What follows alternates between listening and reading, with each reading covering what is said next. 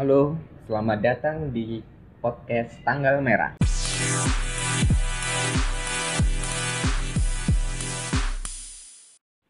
Iya, eh, selamat malam teman-teman pendengar setia channel Tanggal Merah. Ya, ketemu lagi sama aku di episode yang sangat keren kalau menurutku kayak gitu.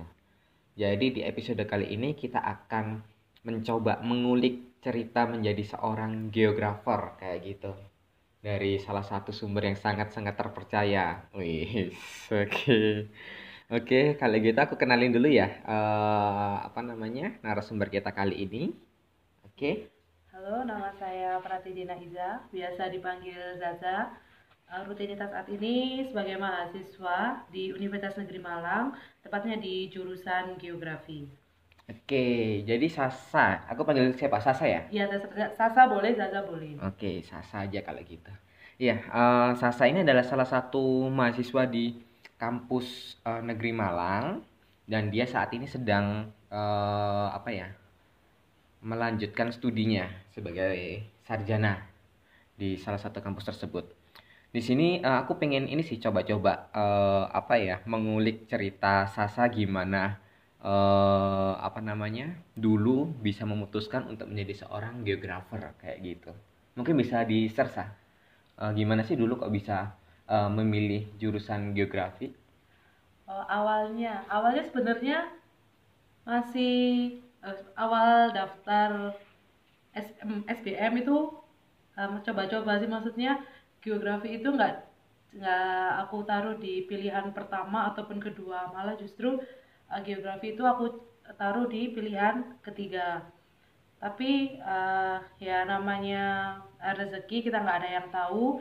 Ternyata memang dapatnya di pilihan ketiga itu di geografi. Terus em, ya agak pesimis sih sebenarnya. Soalnya kan ya di pilihan tiga kan em, apa ya kayak bukan yang paling kita harapkan lah istilahnya gitu soalnya kan pilihan ketiga Ya, dari ya, ya, bawah see. sendiri Oke. tapi ternyata setelah setelah dijalani sampai saat ini sudah mau lulus semester 7 ternyata eh, aku menemukan eh, passionku di situ dan beberapa hal yang membuat aku menjadi lebih mengerti gitu tentang apa yang sebelumnya tidak aku mengerti dan kebanyakan orang tidak mengerti. Jadi lebih bisa berpikiran lebih luas kayak gitu. Oke, jadi sebetulnya sama aja gitu ya. Maksudnya eh, istilahnya salah jurusan gitu ya Iya. awalnya.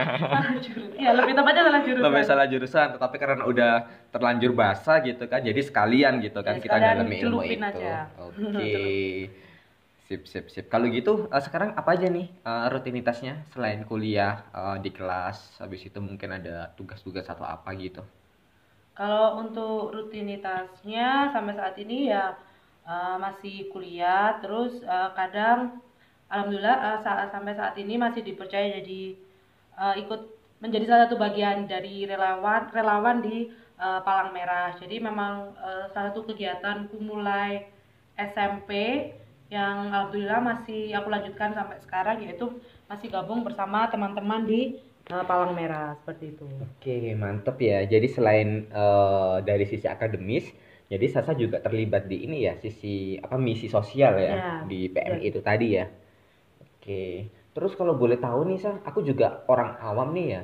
eh, geografer itu apa sih? Gitu. Mungkin buat orang-orang yang atau teman-teman pendengar podcast ini yang belum tahu itu bisa ngerti gitu, bisa dapat info. Oke. Mm-mm. Eh, kalau geografer ya kita ambil namanya geografer itu seorang ahli geografi dan banyak orang juga yang nggak tahu geografi ini sebenarnya apa sih gitu Yes, kayak ah, benar, jurusan apa sih Benar, benar. pernah beberapa kali aku bilang nggak ditanyain kuliah jurusan apa geografi hah fotografi yang moto-moto bukan bu geografi Wah, beda jadi banget sih. Oh, jadi oke. kayak set- nggak terkenal itu gitu jurusan jurusan ini gitu Iya, iya. Oke, I jadi eh, kalau geografi itu kebanyakan orang itu menganggapnya oh cuma bikin peta, bikin peta gitu aja. Yang mungkin eh, tampak luarnya yang mungkin sering dilihat itu eh, kegiatan itu. Sebenarnya kalau geografi itu bisa dibilang kita mempelajari semua apa pun yang ada eh, di bumi, baik jadi sebenarnya nggak ada di bumi aja sih, di luar angka di luar bumi pun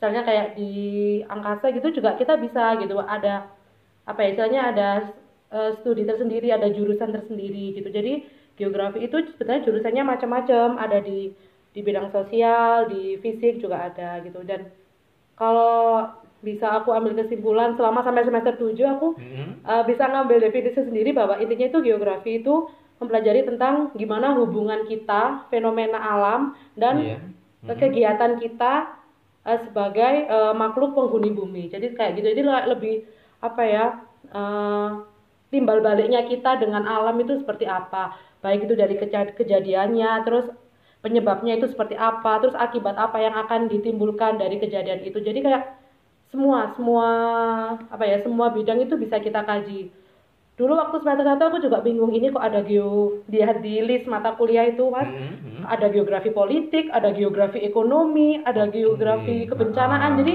semua semua hal itu bisa dikaji dari sudut pandang geografi. Jadi gitu sih banyak sekali yang bisa kita temukan gitu. Kalau kita mau mempelajari geografi. Dan sebenarnya geografi itu bisa kita temukan di semua kehidupan kita sih enggak maksudnya kita sudah belajar geografi itu di setiap kehidupan kita mulai SD walaupun kita enggak hmm.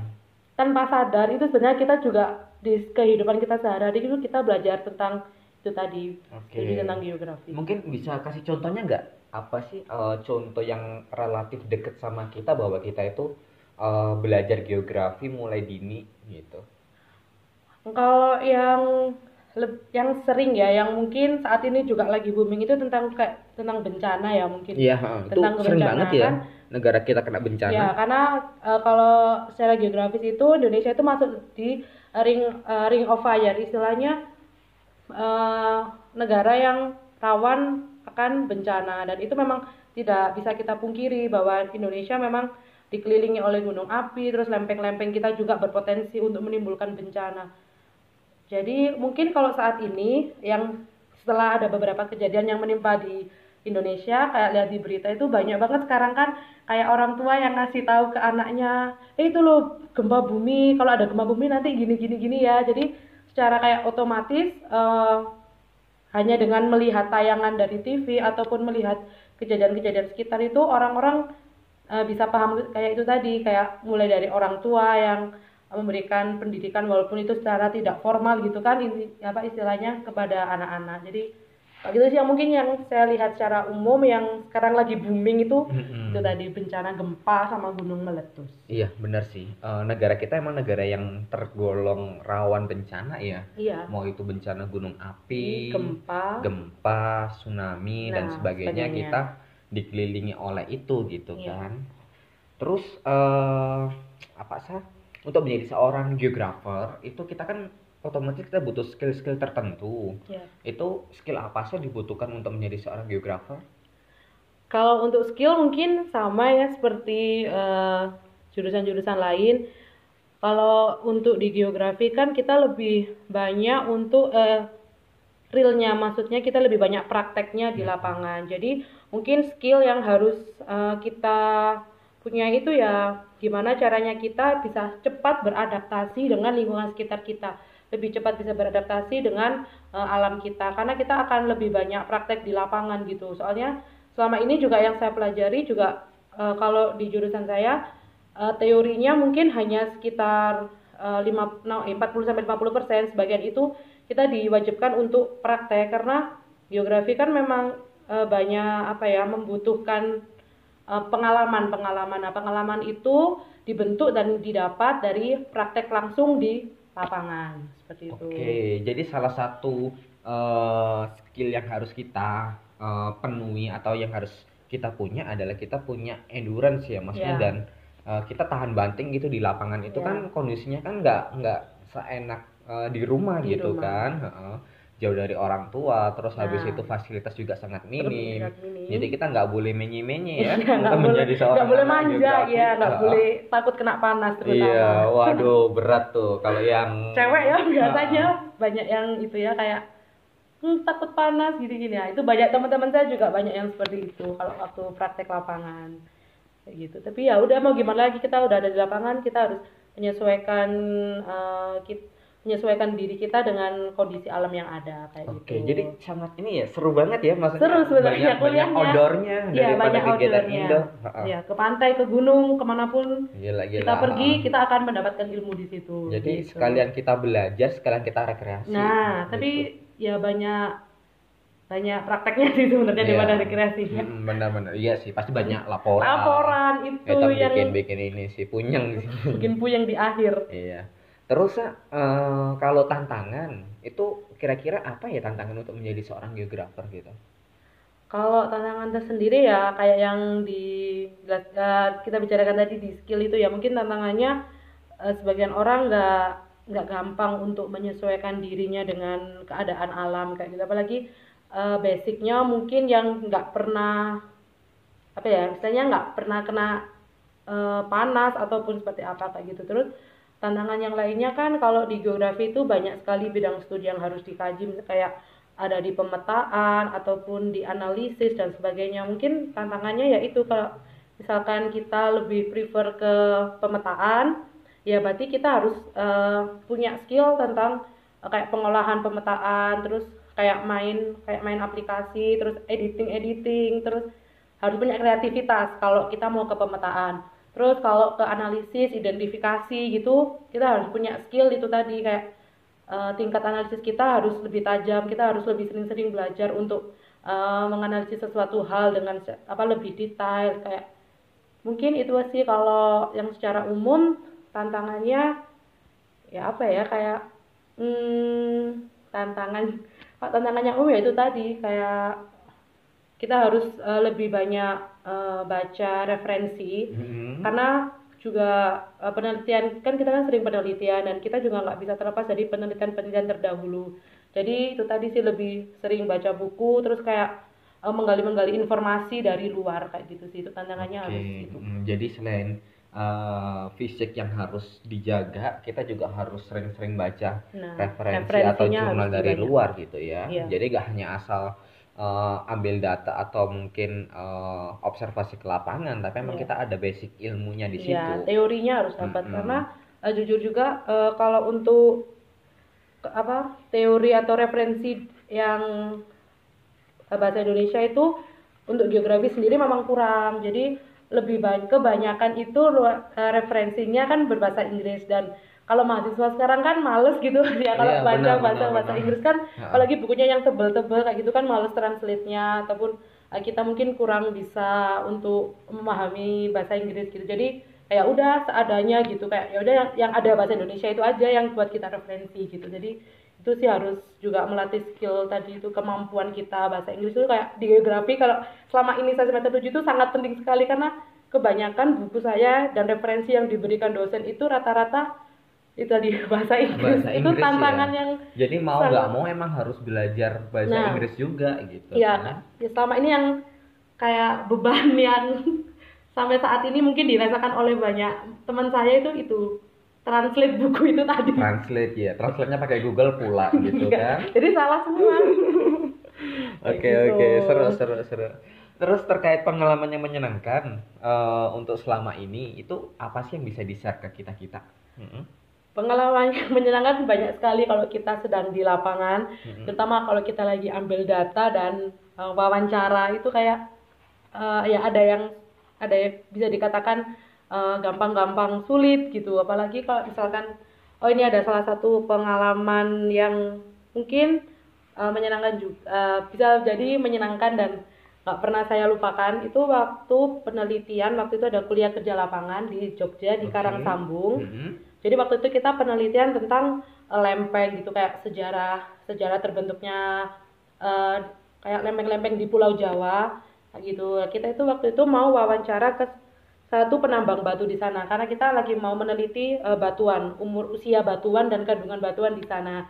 Nah, kebetulan di, di sana waktu itu ada orang lagi nambang batu, nambang batu. Terus kita mau wawancara, kita kan sebenarnya kita niatnya itu nggak wawancara, kita cuma liatin dari jauh. Terus waktu itu kebetulan teman aku ada yang eh, ngambil gambar, mereka lagi nambang batu. Terus sama orangnya kan diliatin, kitanya jadi nggak enak. Terus akhirnya ya udah disamperin sekalian gitu sama teman-teman. Terus mau ditanyain kan, ya waktu kita belum, waktu kita mau ngomong kayak selamat siang pak permisi gitu mereka udah bilang gini kalau dalam bahasa Jawa ini kayak atau tak mau tanya mbak gitu tanya-tanya kak bayar mending nggak usah kita belum belum Oke, belum oke, melantarkan oke. pertanyaan langsung, benar, udah "Permisi, digituin pak ya. iya gitu. Wah. jadi oh enggak pak kocak. cuma mau lihat aja jadi ya udah kita nggak jadi nggak apa kita nggak jadi wawancara gitu Oke. itu sih mungkin beberapa pengalaman yang sering kita alami kalau mau ngambil data wawancara gitu Oke, jadi emang eh, seorang geografer itu emang nggak hanya berkutat dengan eh, apa namanya batuan, lempengan, iya. tapi emang berinteraksi sosial Iya, dengan masyarakat, masyarakat. gitu kan, untuk dapat apa ya story-nya ya, gitu ya, kan. ceritanya. Oke oke.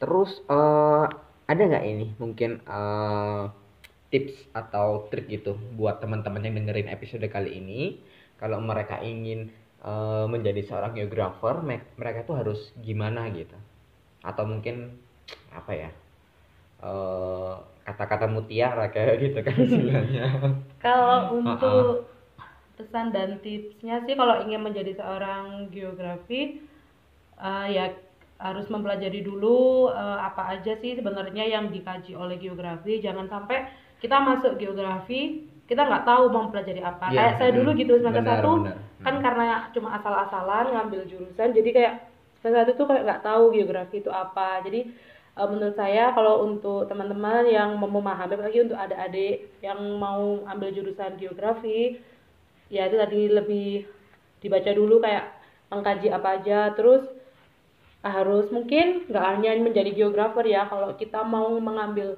eh, jurusan apa pun atau bidang apa pun eh, jangan karena terpaksa gitu. Jadi karena apa ikutin kata hatimu kayak passionmu di apa dan yang paling penting jangan nurutin gengsi. Karena banyak sekali kan kalau anak-anak sekarang nggak masuk jurusan ini oh temennya masuk jurusan ini kayak kalau kumpul gitu kamu jurusan apa? Eh apa sih jurusanmu? Kayak nggak jelas gitu kan. Biasanya juga ada beberapa temen yang kayak merendahkan jurusan lain karena merasa jurusannya yang dia pilih itu mungkin menjadi nomor satu atau di di kampusnya. Jadi eh, kita nggak usah takut eh, apa pun jurusan kita selama eh, kita senang selama kita punya passion di situ kita menjalannya oke eh, prestasi dan kayak hal-hal baik itu akan mengikuti dengan sendirinya. Jadi yang penting eh, dari hati kita sendiri sih kalau kita punya rasa senang kita melakukan apa pun itu senang walaupun orang lain bilangnya sulit kalau kita menjalannya dengan senang dan tanpa paksaan itu akan akan lebih bermakna gitu hasilnya itu akan lebih dari yang kita harapkan ataupun orang-orang lain yang lihat seperti itu. Oke, gila, gila, gila, gila, mantap banget nih. Karena saya juga merasakan kayak gitu. Ah, ah, ah, ah. Enggak sih, tapi emang menurut sih emang penting sih, apalagi kalau buat adik-adik kita yang eh, di masa transisi antara dia sudah selesai ujian nasional dan dia menentukan pilihan untuk eh, melanjutkan studinya ke jenjang yang lebih tinggi, itu mereka pasti akan galau gitu kan. Iya. Dan informasi-informasi terkait ini tuh masih sangat tergolong sedikit, Sedikit. gitu. Terus aku penasaran nih satu apa ya? Mungkin eh, satu terakhir dari aku sih kayak gitu. Ya. Gimana sih caranya Sasa bisa menemukan eh, sebuah passion kayak gitu? Tadi kan sempat Hmm. diulang-ulang bahwa harus dengan passion, passion dan passion. Iya. Itu gimana sih cara menemukannya?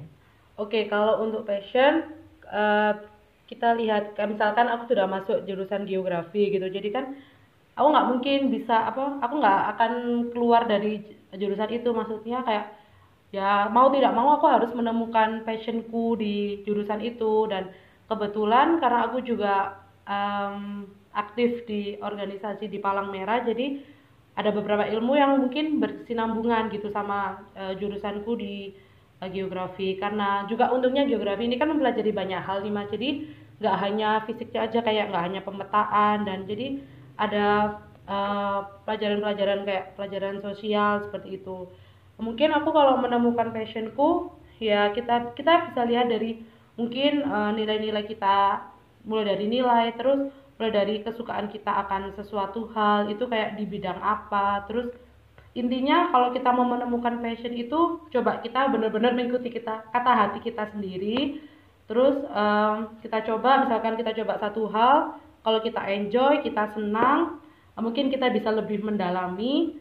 Ya bisa jadi itu passion kamu. Apalagi kalau kamu bisa uh, menuai prestasi di situ. Mungkin itu bisa jadi salah satu passion kamu. Jadi apa ya kalau juga ditanyain passion itu juga bingung sebenarnya. Uh, yang penting kalau ingin punya uh, menemukan passion kita lakukan aja semua hal gitu. Lakukan semua hal dengan senang dan ikhlas. Otomatis nanti di situ kita bisa menemukan passion kita itu sebenarnya di mana. Gitu aja sih intinya. Oke, keren keren keren keren. Jadi itu benar ya kata-kata love what you do gitu Iya, kan. kan? Jadi Tak- cintai apa yang kamu. Nah. lakukan gitu kan. jangan banyak mengeluh udah jalani aja gitu apa pun yang ada di depan kamu itu jalani aja kayak mungkin aku juga bisa ini ya memetik dari eh, kuliah geografi ini kayak ap- ah- apa apa pun yang ada di depan kamu tantangan apa pun ya udah harus kamu lewati demi demi mendapatkan sesuatu hal apa pun harus kamu eh, harus kamu jalani kayak gitu Oke. harus kamu hadapi Pokoknya hajar aja ya, Iya. maupun kerikil kecil Iya, maupun kerikil aku- gede, nah, pukul aja Pukul gitu. aja demi Asik. mendapatkan gitu sih hasil tadi itu Oke oke oke seru sekali nih teman-teman episode kita kali ini kayak gitu kita banyak eh, mendapatkan apa ya insight gitu ya Eh, apa istilahnya motivasi gitu kan gimana cara kita mendapatkan passion gimana eh, caranya kita untuk bisa eh, bertahan terhadap pilihan kita Oke, jadi supaya kita bisa eh, sukses untuk di masa depan Nah, gitu ya betul sekali. Oke, mungkin ada lagi selain itu yang mau disampaikan sebelum Udah sih. kita akhiri episode kali ini? Wes. Eh, udah sih mungkin saja kayak yang kak dari Mas Kris kayak ya cintai apa pun yang kamu lakukan saat ini, jangan banyak mengeluh, mm, terus semangat dan jangan lupa juga untuk berdoa seperti itu. Oke, itu itu yang paling penting adalah doa gitu Iya, ya. doa yang Percuma kalau kita udah usaha eh, sekeras apa pun itu, tapi kalau nggak diiringi dengan doa itu akan Percuma. percuma. Oke, kalau gitu sampai di sini eh, perjumpaan di episode podcast tanggal merah. Eh, terima kasih atas waktunya Sasa. Sama-sama. Semoga bermanfaat buat semuanya Amin. dan untuk para pendengar kita. See you and bye bye. Bye bye.